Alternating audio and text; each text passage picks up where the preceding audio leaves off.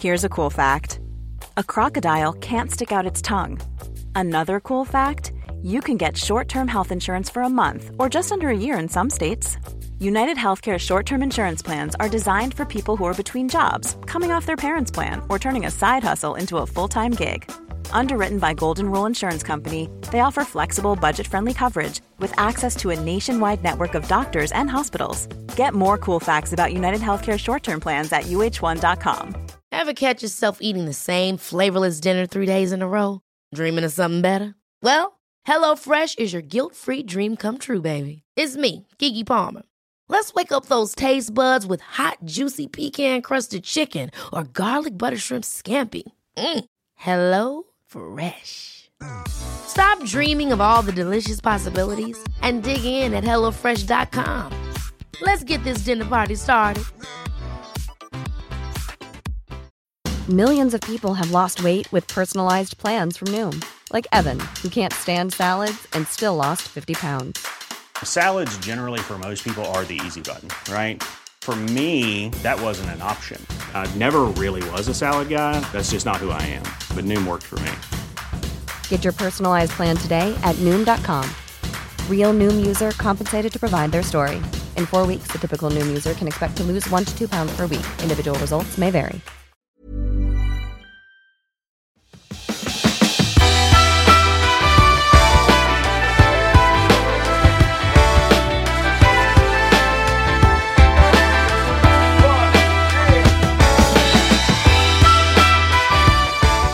Hej och varmt välkommen till ännu ett avsnitt av Klimakteriepodden med mig, Åsa Melin.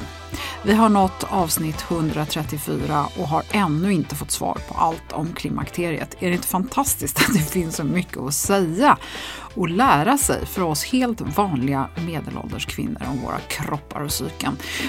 Tack för alla, tack för eh, förra avsnittet med eh, alla era frågor som, eh, eller inte alla kanske, men en hel bunt i alla fall, som Mia Lundin var så snäll och hjälpte till att besvara. Alla kom kanske inte till tals, så fortsätt komma in med frågor så tar vi dem som inte besvaras längre fram.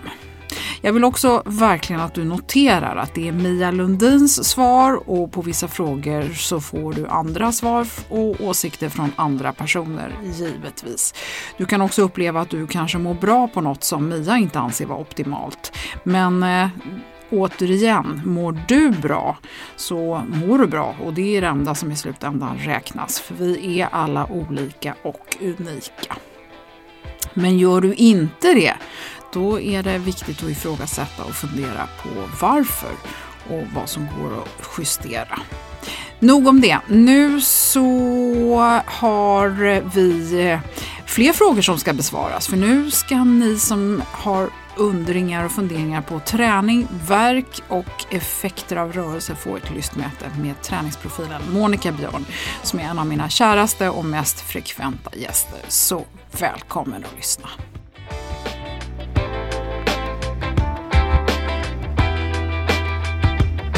Monica Björn, hjärtligt välkommen till Klimakteriepodden. Tusen tack Åsa, vad roligt att vara tillbaks.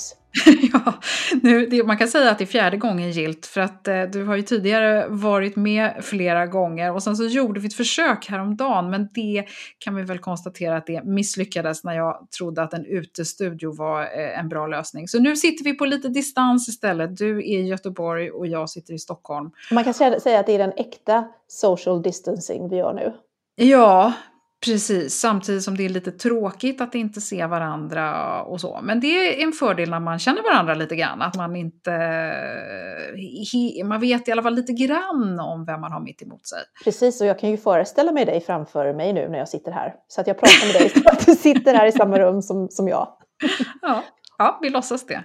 Monica Björn, jag tror ingen har missat dig. Stark genom klimakteriet. Du är en klimakterieaktivist och du är en träningsprofil och PT och eh, författare och framförallt så tror jag att du verkligen har gått i bräschen för din bransch om man nu tar träningen här eftersom du har lagt upp en kurs som riktar sig just mot personliga tränare som eh, på bästa sätt kan få lära sig hur man ska hantera kvinnor 40 plus.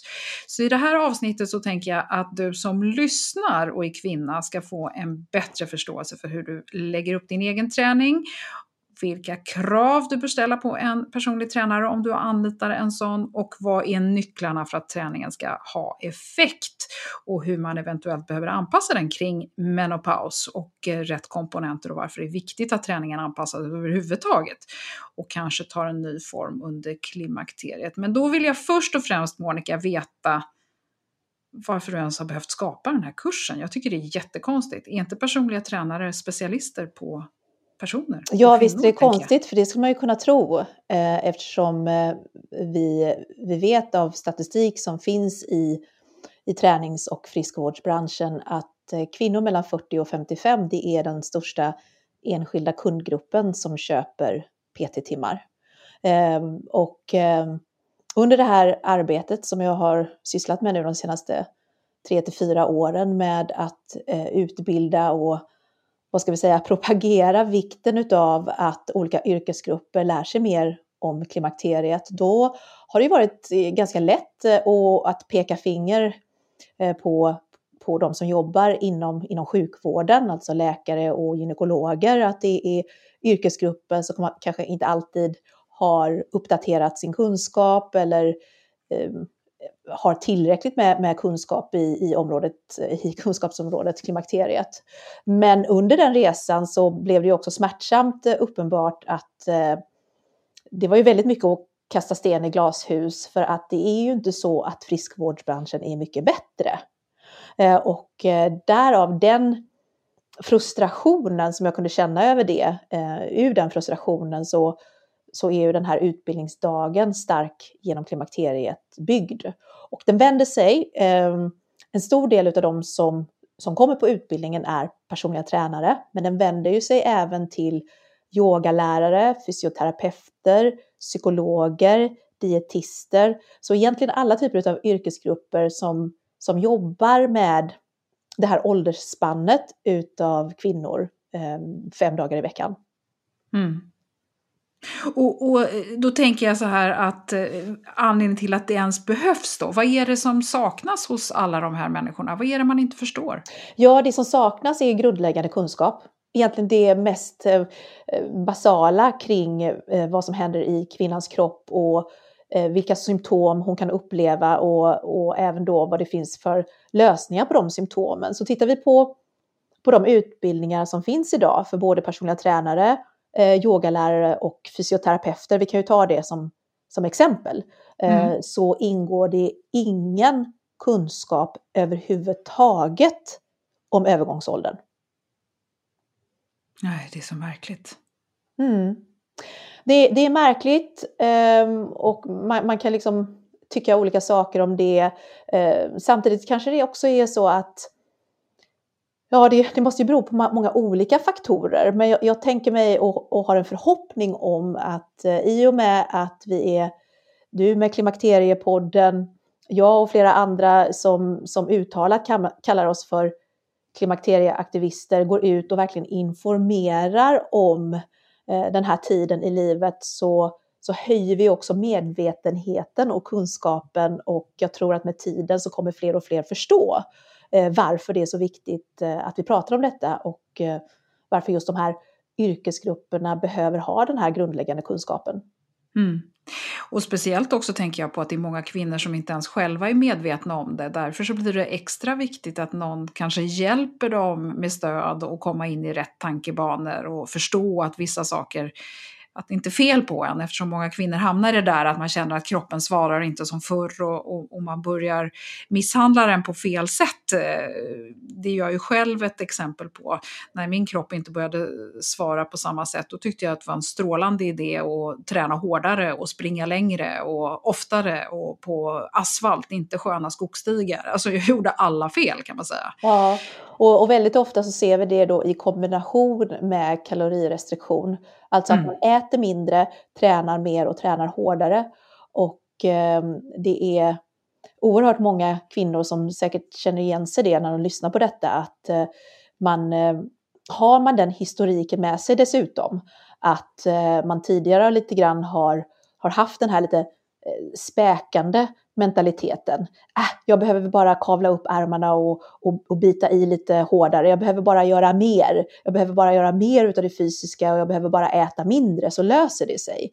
Mm. Eh, och, och det, det är en väldigt ohälsosam inställning att ha oavsett var någonstans man befinner sig i livet, oavsett om man är, är 18, eh, 30 eller 50.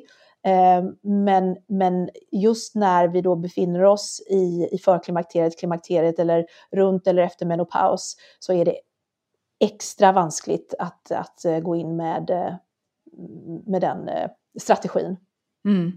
Vi ska komma in på detaljerna. Jag tänker bara att vi ska börja med att säga att det finns ju ingenting som stödjer att, man inte, att det inte skulle vara bra att träna. Eh, och i avsnitt 65 så pratar du ju väldigt mycket om hur man, ska, eh, hur man kan komma igång om man nu börjar från väldigt låg nivå. Så jag tänker inte att vi gör det, utan nu eh, fokuserar vi mer på vad är det man ska ta hänsyn till när man tränar i klimakteriet. Kan vi börja där? Ja, det kan vi absolut göra. Och då vill jag bara sammanfatta mycket av det som vi sa i det tidigare avsnittet. Att eh, för, för kvinnor som inte då eh, tränar för ett eh, prestationsinriktat mål, och med ett prestationsinriktat mål då menar jag att man vill springa en maraton eller man ska, ska tävla i någonting. För att är det prestationsinriktad träning, ja då är det en annan typ utav eh, inställning och en annan typ av träning man behöver ägna sig åt. Man behöver liksom, då behöver man verkligen gå in för det som man eh, ska bli bättre i. Men om vi pratar om kvinnan som tränar rent generellt för att må bättre, då skulle jag säga, och, och det var väl det vi pratade om i, i det tidigare avsnittet, det är att tänka att man behöver få in komponenter som innehåller styrka, kondition och rörlighet. Så det är rent liksom, generellt, vad, vad behöver vi kvinnor i den här tiden i, i livet och, och framåt? Eh, sen är det också väldigt beroende på vad har du för symptom? Och hur mår du? Och vad har du för historik av att ha tränat innan? Eh, för att det är ju så här, det är en sak att prata om vad en, en, en kvinna behöver för att må så bra i kroppen som möjligt och orka med vardagslivet. Men självklart om det är så här att, att eh, man är som en liten blöt fläck när man vaknar på morgonen för man har inte sovit ordentligt på flera månader. Eh, man har eh, värmevallningar och nattsvettningar, om man har hjärndimma, om man är, är trött som tusan. Alltså det sista eh, någon kvinna i den situationen vill göra, det är att gå in och, och börja dra i vikter på gymmet. Mm. Eh, så att, och det är ju väldigt individuellt eh, som, som eh, kvinnor som lyssnar på Klimakteriepodden är väldigt medvetna om eh, vad man får för symptom och svårigheterna utav dem. Men vi kan väl säga så här, har man otroligt svåra symptom, eh, och det är knappt som man orkar med sitt jobb, då behöver du hitta andra lösningar först för att må bättre. Gå ut och promenera. Det är din träning under den perioden som du knappt får huvudet utav kudden. Och det är alldeles tillräckligt så att du får in vardagsmotionen. För kvinnan då som kanske inte har så handikappande symptom eh, Eh, så skulle jag säga att det som de absolut flesta kvinnorna rent generellt behöver, det är styrketräning och ganska så klassisk styrketräning i den bemärkelsen att man, man behöver inte krångla till det speciellt mycket. Utan det är basövningar eh, där man jobbar igenom så att så man jobbar igenom alla kroppens större muskelgrupper. Och det behöver inte vara med några Eh, direkta hopp i, det behöver inte vara jättemycket explosivitet i början om man inte är van vid det. Ehm, utan att man börjar att bygga upp basstyrkan och sen jobbar därifrån. Och för kvinnor som kanske redan då är väldigt aktiva, eh, de tränar kanske redan 3 till 5, 6 gånger i veckan. De kvinnorna, och de märker ofta av att de har hamnat i, i förklimakteriet genom att de tar längre tid på sig att återhämta sig. De kanske märker också att de sover sämre, för det är ju någonting som kvinnor som inte tränar regelbundet sedan innan och börjar träna, de upplever oftast att de sover mycket bättre. Men mm. kvinnor som redan är aktiva och som redan tränar, det är ju inte så att vi helt plötsligt eh, liksom är borttagna ifrån det här att vi sover sämre under klimakteriet, utan eh, eh, en, stor, en stor grupp där kommer ju märka att trots att de tränar, trots att de äter bra, trots att de liksom gör allting rätt, så, så blir det ändå ett mycket, mycket sämre sömnmönster. Så för de kvinnorna så är det mer utav lugn och ro-träningen som de behöver. Alltså lugn yoga, meditation, andningsövningar, den typen utav mindfulness-träning. Du var redan inne på det här, för jag tänker direkt här nu att eh, en viktuppgång ofta kommer i smygande i den här eh, fasen också. Och då är det väldigt lätt att gå tillbaka till det du vi pratade om nyss, det vill säga man späker sig själv och kör hårdare och hårdare. Hur, hur ska man tänka där? Ja, eh, faktum är att eh, det här med viktupp, viktuppgången är ett sånt stort område och eh, också ganska så komplicerat eftersom det påverkas utav så många olika eh, faktorer. Så jag ska försöka att och sammanfatta det så kortfattat som möjligt. Eh, men om vi börjar i den här viktuppgången, den är alltså för det första inte så att man har inbillat sig, utan det är verkligen så att om vi tittar på kvinnor efter de har genomgått menopaus, och vi vet ju att menopaus, snittåldern för menopaus är är eh, fem, eh, mellan 51 och 52 år. Och menopaus är ju den här kliniska termen att vi har varit eh, mensfria i 12 månader i sträck. Och, och tittar man då på, på BMI, som vi kan diskutera om det är världens bästa skala att, att mäta vikt eller inte, men om vi utgår ifrån BMI så är, är majoriteten av kvinnor efter menopaus överviktiga. Eh, och många kvinnor upplever ju att det, det sker ganska så snabbt Alltså att, att man, det, det, upplevs nästan som att man vaknar en morgon och så, så, så, passar inte byxorna. För det är ju så att eh, fettfördelningen flyttar sig från, från stuss eh, och lår och mi, eh, upp till midjan. Eh, så den fettdepåerna emigrerar norrut kan man säga. Eh, och eh, eh, en bidragande orsak är den här störningen som det bristande östrogenbristen leder till att, att vi får en störning i kortisol och insulin. Så vi får en en förhöjd kortisolnivå eh, i blodet och en eh, förhöjd insulinnivå i, i blodet. Eh, och det i sin tur påverkar fettinlagringen och det påverkar även vår kolhydratskänslighet. Det innebär absolut inte att man ska utesluta och äta kolhydrater, inte på något sätt. Jag är en Eh, stark förespråkare för att man ska äta eh, varierat, eh, en, en varierad kost och inte utesluta eh, någon eh, mat, mat eller eh, livs, livsmedelgrupp. Men det är ju en av de bidragande orsakerna till den här vittuppgången. Sen är det ju andra saker, såsom att vi med vanligt åldrande förlorar i muskelmassa. Muskelmassa förbränner mer än, än fett i, i vila. Vi vet också att med naturligt åldrande så går ämnesomsättningen ner. Ehm, så att vi har långt ifrån samma ämnesomsättning när vi är 45 som när vi är 25. Och eh, en sista väldigt starkt bidragande orsak just för kvinnor i klimakteriet eftersom vi vet att majoriteten av kvinnor upplever någon typ av sömnstörning och, och många kvinnor till och med så mycket, så mycket sömnstörningar som man kan klassificera det som insomni. Och då vet vi att eh, metabolismen, alltså ämnesomsättningen, både hos män och kvinnor, störs redan efter en vecka utav störda sömnmönster. Och eh, vi vet ju att det är inte ovanligt för kvinnor i klimakteriet att inte sova ordentligt på flera år. Och det i sig eh, bidrar till, till störningar i eh, hunger och mättnadshormoner. Eh, och när det störs så känner vi oss hungrigare än vi, vad vi borde göra vid det givna tillfället och vi har också svårare att känna mättnad när vi egentligen ska känna oss mätta. Eh, vi har också då ett större sockersug rent kemiskt, alltså rent biologiskt. Eh, så att jag upplever att många kvinnor som jag jobbar med och, och kommer i kontakt med, de, de klandrar sig själva och, och, de går in i den här spiralen då som vi pratade om tidigare där, där man gärna då vill ja, köra lite hårdare, jag lägger in lite fler pass, jag pushar mig lite till, jag äter lite mindre. Fast jäklar vilket sötsug jag har. Eh, och då ska man veta att i den här kvinnokroppen så ligger stresshormonerna redan högt, kortisolnivån är redan förhöjd. Eh, lägger hon då till mer träning och mindre kost så är det också ett sätt att ytterligare försätta kroppen in i stress.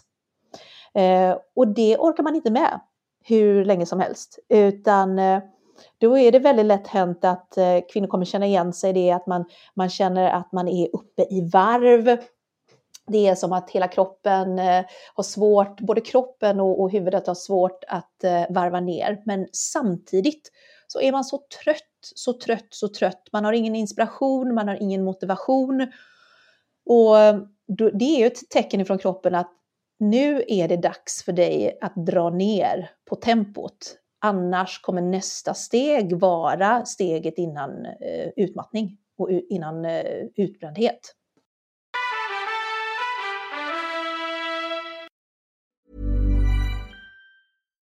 If you're looking for plump lips that last, you need to know about Juvederm lip fillers. With Juvederm Volbella XC and Juvederm Ultra XC, your lip look, whether it's subtle or bold, can last up to one full year with optimal treatment and no additional maintenance. Find a licensed specialist and see if it's right for you at Juvederm.com today. That's J U V E D E R M.com. Add fullness to lips in adults over 21 with Juvederm Volbella XC or Juvederm Ultra XC. Do not use if you have severe allergies or a history of severe allergic reactions, or if you're allergic to lidocaine or the proteins used in Juvederm. Tell your doctor if you have a history of scarring or taking medicines that decrease the body's immune response or that can prolong bleeding. Common side effects include injection site redness, swelling, pain, tenderness, firmness, lumps, bumps, bruising, discoloration, or itching. As with all fillers, there's a rare risk of unintentional injection into a blood vessel, which can cause vision abnormalities, blindness, stroke, temporary scabs, or scarring. For full important safety information, visit juvederm.com.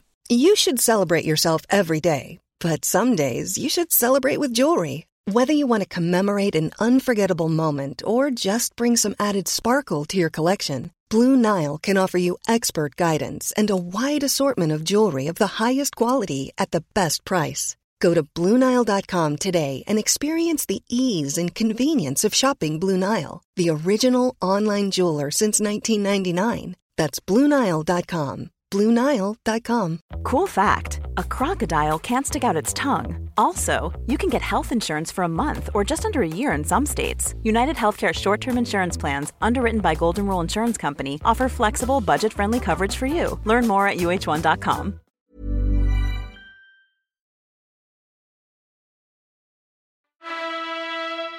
mycket av det du pratar om nu, de här symptomen, det är ju liksom inför menopaus. Mm. Efter kan man ju känna kanske liksom en mer flathet och man känner sig trögare och, och, och så vidare. Kan man, eh, dels undrar jag, kan man påverka hormonerna med träning, hormonbalansen? Ja, jag, alltså jag tycker att det är otroligt viktigt att påpeka att träning, har man ju då sett i studier, får ju välbefinnandet hos kvinnan att öka. Alltså hon, eh, kvinnor som inte har tränat regelbundet tidigare uppger oftast att de tycker att de sover bättre, att de mår bättre rent generellt, att de får mycket, eh, mycket mer ork, mer energi, de känner sig mer positiva, mindre nedstämda, mindre oro, mindre ångest. Men själva hormonnivåerna kommer man inte att förändra med träning. Det är inte så att vi kan träna oss till en bättre balans utav östrogen i kroppen. Eh, testosteronet som, som man har forskat alldeles för lite på egentligen och framförallt på, på kvinnokroppen. Eh, det finns teorier då att även kvinnor kan öka, eh, öka sina testosteronnivåer med styrketräning till exempel. Men vi måste också komma ihåg att det här är en sån extrem situation i, i kvinnokroppen att, att genomgå klimakteriet och med allt vad det innebär med hormonnivåer och liknande. Att ja, träning kommer öka ditt välbefinnande och eh, även eh, mycket som har med ditt välmående att göra. Men kommer det att förändra dina hormonnivåer eh, lika mycket som till exempel hormonbehandling gör? Nej, inte, över, inte överhuvudtaget. Nej, men då tänker jag att det du säger egentligen är att signalsubstanserna kommer svara bättre och det i sin tur kanske gör att hela systemet lugnar sig så man kan ändå uppleva att man får bättre hormonbalans. Ja, för vi vet ju att eh, träning frisätter kroppens egna endorfiner till exempel mm. som ger de här känslorna och kickarna utav att man mår bra, man har liksom läget under kontroll mer, man kan eh, tänka klarare och, och, man känner sig lite mer eh, pepp på saker och ting. Eh, mm. Så absolut. Men det är alltså in, inte så att vi kan träna oss till icke-torra slemhinnor i underlivet. eller, eller, eller att, att eh, många kommer säkert uppleva att hjärndimman lättar något, absolut. Man kan tycka att man kan tänka klarare och koncentrera sig bättre och känna sig mer kreativ. Men eh, vi ska också komma ihåg det att har man, har man riktigt tuff hjärndimma så kommer den definitivt att, eh, att påverkas och, och, förändras till det bättre eh, med hjälp av träning. Men det är inte så att du kan träna bort den eh, eller få eh, bli liksom symptomfri med träning. Nej. Eh, jag tänker att det här med eh, när östrogenet börjar sjunka då eh, så, så symptomen är ju ganska tydliga men märker man då också på träningen, alltså rent hur, hur kroppen svarar? Ja, eh, det gör man ju då. För delvis så, så blir ju återhämtnings, återhämtningstiden blir, blir längre. Och den blir längre egentligen vare sig om vi hade gått igenom klimakteriet eller inte. Och det igen har att göra, vad ska vi säga då, nu gör jag krokar i luften, naturliga åldersprocesser eh, i kroppen. Vi märker ju också att eh, när östrogennivåerna blir lägre, då är det många kvinnor som både märker det att de får mer yrsel, Kvinnor kan också märka det att de får sämre koordination. Eh, kvinnor kan även då märka att man får en ganska så stor ökad led och muskelvärk. Vi vet att östrogenet har ju en inflammationsdämpande, en inflammationshämmande effekt i kroppens leder och muskler. Så det är inte ovanligt att eh, om man har kört ett träningspass som man vet tidigare att det, den typen av träningspass skulle ge mig träningsverk i en till två dagar efteråt. Men så sitter träningsverken i, i kanske sex, sju dagar istället. Mm. Mm. Eh, och det här med yrseln och koordinationen eh, i, i samband då med, med hjärndimma. Och hjärndimma är ju egentligen bara ett samlingsnamn på att vi påverkas eh, kognitivt, alltså att vi har svårare att koncentrera oss, Eh, vi kan ha svårare med inlärningen till exempel. Och det är ju såklart eh, otroligt viktigt för en personlig tränare att känna till det. Så att inte hen tror att Nej, men den här kvinnan lyssnar ju inte ens på vad jag säger. Hon fattar ju inte vad hon ska göra och jag har sagt det till henne tio gånger. Ja, men det är inte, det är inte så lätt ibland och det vet vi som har, som har upplevt då eh, hjärndimma, att man, man, man tittar på den här personen, man hör vad personen säger, men man kan inte riktigt liksom oh, det åkte in på ena sidan och ut på andra sidan. Mm. Många av de här kvinnorna känner ju då att, men herregud, är jag helt dum i huvudet? Jag är ändå en ganska hyfsat smart person tycker jag som tidigare har kunnat lära mig både det ena och det andra och nu är det bara som en stor sörja hela, eh, allting. Eh, många pratar ju om att de får så ont i kroppen. Eh, dels fötter, leder, senor. och nu pratar vi inte träningsverk utan att man får helt enkelt ont. Ja. ska man strunta i det och köra på eller hur, hur ska man hantera det? För det är väldigt lätt då att låta bli att träna för det är för plågsamt. Ja, det här är ju ett jätteproblem och framför allt då för, eh, för att många kvinnor upplever att det kommer väldigt plötsligt och det och eh, precis som du säger, att det, de kan inte förstå var någonstans det kommer ifrån eh, och blir, rädd, blir då rädda Eh, Eh, och kanske till och med söker hjälp, läkarhjälp. Och många är rädda då kanske för att de eh, håller på att få reumatism. Och de går på utredningar och så vidare. Och, och det är ju synd och skam då att, att man inte får eh, upplysningen om att minskade östrogennivåer väldigt vanligt ger verk på helt nya ställen där man absolut inte haft ont tidigare. Det tråkiga är ju då att om man blir rädd för att röra på sig och om man blir rädd för att träna och då eh, som en effekt av det blir mer stillasittande så kommer det i förlängningen att leda till ännu mer verk och ännu mer smärta. Men i kombinationen av att man då har dessutom ett begränsat rörelse, eh, rörelseutrymme i de påverkade lederna. För det är verkligen så när det kommer till, eh, till kroppen och dess funktioner så är det så här, use it or lose it. Så ponera att någon har ont i sin axel, man har ont när man lyfter armen ovanför huvudet till exempel och så tänker man så här, nej men det är väl bäst att jag inte gör det något mer. Eh, då är det inte så att man kommer att behålla varken sin rörlighet eller sin styrka i det ytterläget och i det området, utan du måste helt enkelt använda kroppen och kroppens leder på, på de sätt som, som de är tänkta att användas om du vill. Så, så det är bara liksom, om jag hör rätt så är det bara att kämpa på även om man har ont, för smärtan är precis. inte farlig. Men, men, och då ska jag säga ett, ett stort men där, gärna då med hjälp med en påläst personlig tränare eller kanske till och med en, en yogalärare som kan ge dig övningar där du kan hitta eh, smärtfria sätt att jobba i alla vinklar. För det är inte så här att, eh, jag vill verkligen inte uppmuntra till att byt alltid ihop, jobba i alltid igenom smärtläge. Nej, absolut inte. Eh, och där eh, ska ju en, en, en påläst tränare kunna guida dig i vad som är ohälsosam smärta och vad som, som känns obehagligt och där det inte känns helt bekvämt. Och där är det alltid okej okay att jobba, men är det ren smärta så är det självklart att du inte ska pusha dig igenom där. Men då behöver du hitta ett annat sätt att jobba i det läget där det inte gör ont. För jag tänker att en del säger ju att det gör ont redan från det man går upp på morgonen och sen hela dagen som på något sätt värker kroppen eller molar kroppen. Jag kan inte riktigt eh, mm. säga hur andra har det. Eh, men det ska man på något sätt bortse ifrån. Men riktig smärta, den ska man ta hänsyn till. Precis, och, ett, ett sätt att, att testa det på då, det är ju att ändå våga vardagsmotionera.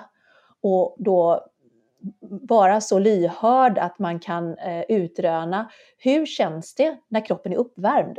Hur känns det när jag har kommit liksom en kvart, 20 minuter in på min promenad? Gör det fortfarande lika ont? Verkar det lika mycket? Eller känns det, nej men gud, nu känner jag ingenting när jag har cir cirkulation i kroppen? När jag faktiskt är igång? Och mm, hur. Hur ja, så det är ett väldigt bra sätt liksom att, att avgöra, jo men försvann det när kroppen var uppvärmd och, och, och igång?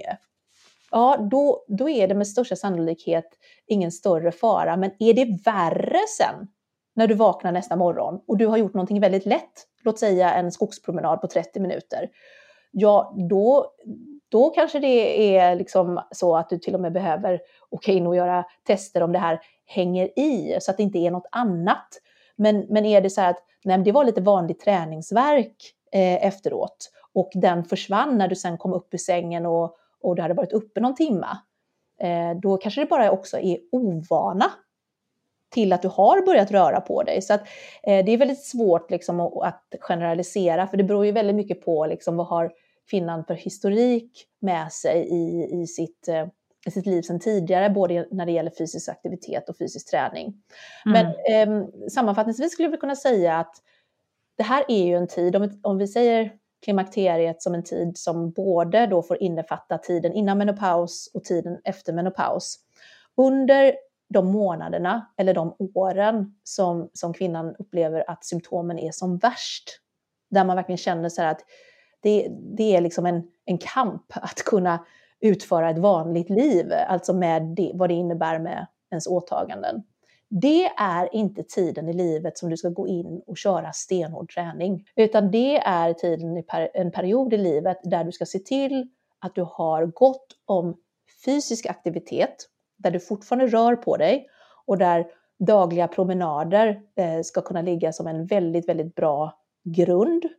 Ehm, men ha inte dåligt samvete om det är en period som du tränar kanske mindre, lättare, har längre återhämtning mellan träningspassen, men du kanske utökar din fysiska aktivitet istället. För sen när du kommer ut, om vi då pratar om innan och efter menopaus, sen efter menopaus när hormonnivåerna börjar ligga på en mer konstant låg nivå och, och många symptom börjar lugna ner sig något, ja men då finns det en period i livet också och då möjligtvis kan du börja lägga till eh, lite tuffare träning igen. Ja, för den tycker jag är väldigt viktig, det som man ständigt får höra, risken för att bryta saker, att det är viktigt för benskörhet och den här tunga träningen som förespråkas eh, väldigt ofta. Det är det du tänker på? Ja, precis, för att i förebyggande syfte verkligen stärka eh, skelettet både i benen men även i överkroppen och då behöver man en progressiv överbelastning eh, på kroppen för att skelettet ska kunna bygga sig starkare och mm. tätare. Mm. Mm.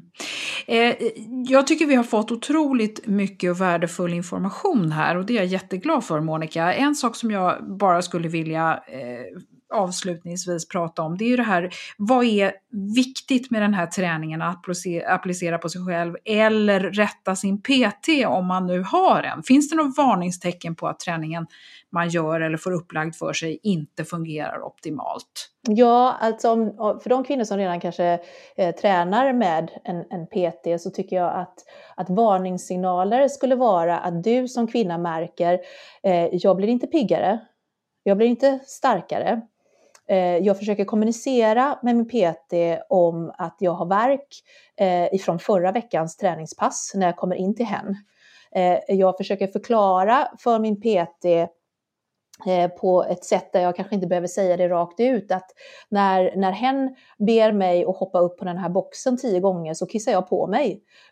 och, och min PT tittar på mig som att nej men du behöver bara ta i mer eh, inte är lyhörd. Jag skulle säga att det är ganska så eh, klockrena tecken på eh, att den här eh, personen kanske inte är helt rätt eh, för, för, för det som du behöver. Om du dessutom har en PT som, som uppmanar dig till att eh, ta i mer, att Eh, eh, gå på eh, ganska extrema eh, dieter, att börja utesluta livsmedel helt och hållet ifrån diet. Jag skulle säga att det är för mig tydliga eh, varningssignaler. Eh, det du letar efter, det är en lyhörd eh, man eller kvinna eh, som, som gör en, en bra screening, frågar dig om ditt liv, hur du, eh, hur du trivs på jobbet, hur du sover och, och kan liksom ställa rätt frågor till dig. För väldigt ofta är det så här att en sak är ju om du som kvinna kommer och du redan vet att du är i klimakteriet. För då kan ju du säga till PTn, alltså jag är i den här fasen utav mitt liv så att jag tycker att jag behöver en PT som kan ta hänsyn till min dagliga energinivå. För jag vet inte från en vecka till en annan om jag har sovit ordentligt på fyra, fem nätter. Och om jag inte har sovit bra på en vecka eller längre, då finns det inte en chans att jag kan komma in här och, och, och maxa eh, på de här träningspassen. Utan då vill jag att du eh, verkligen anpassar min träning efter min dagsform och förstår att det har ingenting med min motivation att göra, utan det har att göra med de fysiska omständigheterna. Den andra delen det är ju kvinnor som kommer till en PT och inte ens vet att de är i klimakteriet eller mm. inte ens erkänner att de är i klimakteriet. Och där hoppas ju jag att kunna stötta de kvinnorna i att utbilda deras PTs i att när de har tränat den här kvinnan ett visst antal veckor och för en dialog med henne. Hon, hon ger feedback på att äh, fasen jag sover inte bättre. Nu när jag, alltså jag har haft träningsvärk som har suttit i flera dagar. Alltså jag har ont i kroppen på olika ställen som jag inte hade ont i tidigare jag tycker fortfarande inte att jag får någon utväxling på min träning och jag fortfarande går och bär de här extra kilorna runt midjan trots att jag gör det här och det här och det här och det här. Och då är det egentligen tvärtom. Då, då är det ju tränaren som ska kunna säga till kvinnan, vet du vad? Eh, med tanke på vilken ålder du befinner dig i, med tanke på vilka, eh, vilka symptom du har beskrivit till mig att du går igenom just nu, så är det faktiskt så här att du skulle kunna vara i förklimakteriet verkligen pang bom på, dra bort ja, plåstret ja. och, och ge det till kvinnan. För att, eh, och, det har ju du och jag eh, diskuterat tidigare, Åsa, att det finns väldigt många kvinnor där ute som inte ens själva förstår att de är i klimakteriet. Nej, verkligen inte. Och, eh, det är väldigt svårt och man vill inte ta till sig det heller man kanske. Det är precis det. som jag själv beskrev i början här. Det är Exakt. typiskt, jag hade ingen aning om att det var klimakteriet som, som hade smugit sig på.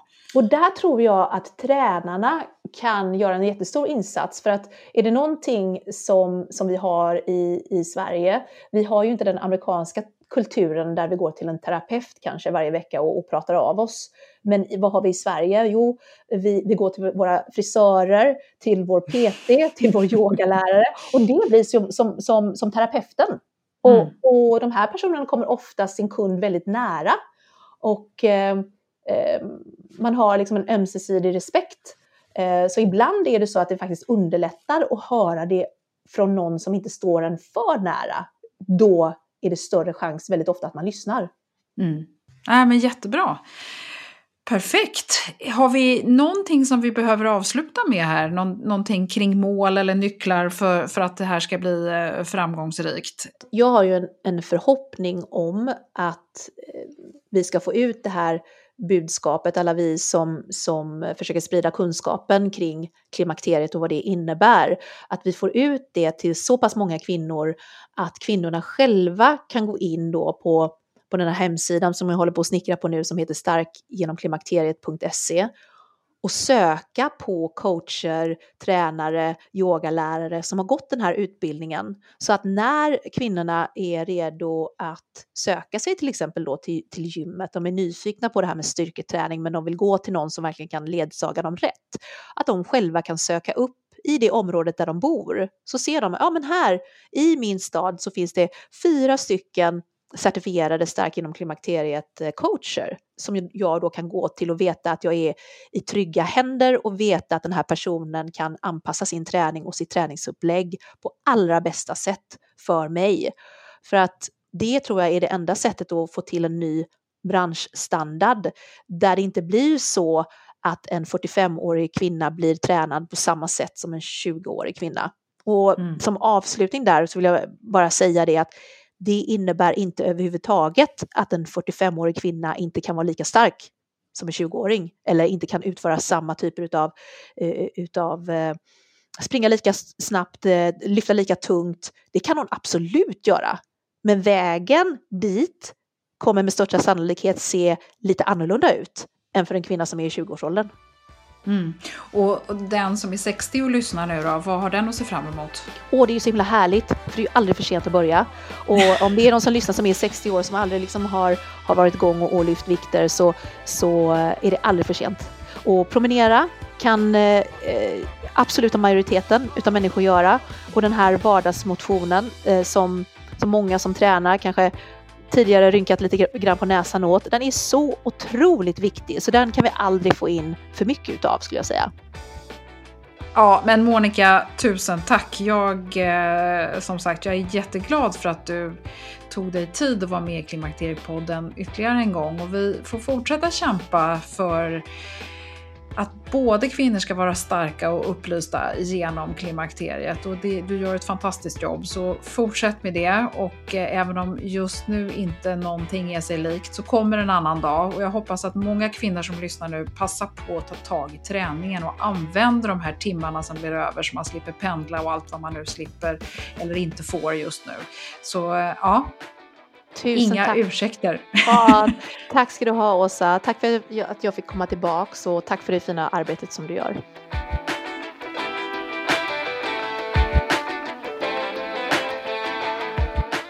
Ja, jag blir så peppad Monica och känner också hur rätt hon har med det här angående balans. Det är ju så lätt att man gillar och har fallenhet för något och så lägger man all sin fokus där. Ni som följer mig på Instagram och Facebook stories vet ju hur mycket jag gillar att springa och röra på mig ute i naturen. Men inte så bra på det där med styrka och rörlighet. Men eh, kroppen tar stryk av ensidig träning och det är jag ett levande exempel på. Så tack Monica för att du med ditt Instagramkonto också ger råd och inspiration som jag faktiskt eh, följer så gott jag kan eftersom jag känner att du ofta liksom talar direkt till mig och det är ni säkert flera andra som också känner. Så tack! Lyssna också på avsnitt 65 med Monica, bläddra bland avsnitten på klimakteriepodden.se där du hittar eh, avsnitt 43 och 93 där Monica också har varit med. I nästa avsnitt så ska vi ta ett pedagogiskt grepp på hur klimakteriet börjar med vilka symptom och känslor som först dyker upp och vad man ska göra åt dem för att komma in i klimakteriet på absolut bästa sätt. Gynekologen Hilde Lövqvist är med mig och jag är väldigt glad för det här avsnittet som kommer ge många ett wake-up call.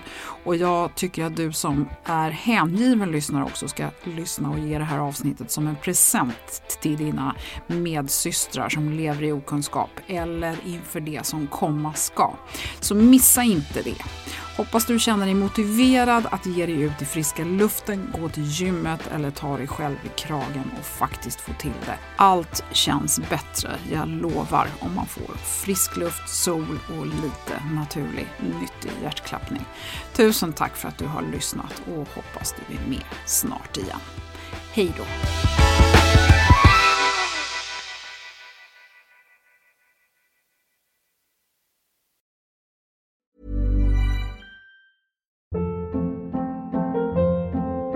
Hold up. What was that? Boring. No flavor. That was as bad as those leftovers you ate all week. Kiki Palmer here, and it's time to say hello to something fresh and guilt-free. Hello Fresh. Jazz up dinner with pecan-crusted chicken or garlic butter shrimp scampi. Now that's music to my mouth. Hello Fresh. Let's get this dinner party started. Discover all the delicious possibilities at hellofresh.com.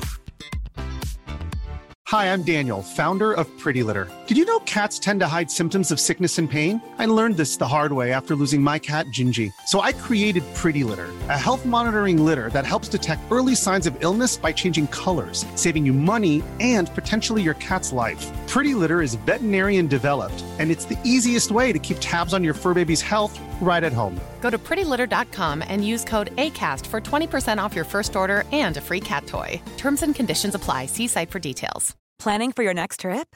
Elevate your travel style with Quince. Quince has all the jet setting essentials you'll want for your next getaway, like European linen, premium luggage options, buttery soft Italian leather bags, and so much more. And is all priced at 50 to 80% less than similar brands. Plus, Quince only works with factories that use safe and ethical manufacturing practices. Pack your bags with high-quality essentials you'll be wearing for vacations to come with Quince. Go to quince.com slash pack for free shipping and 365-day returns.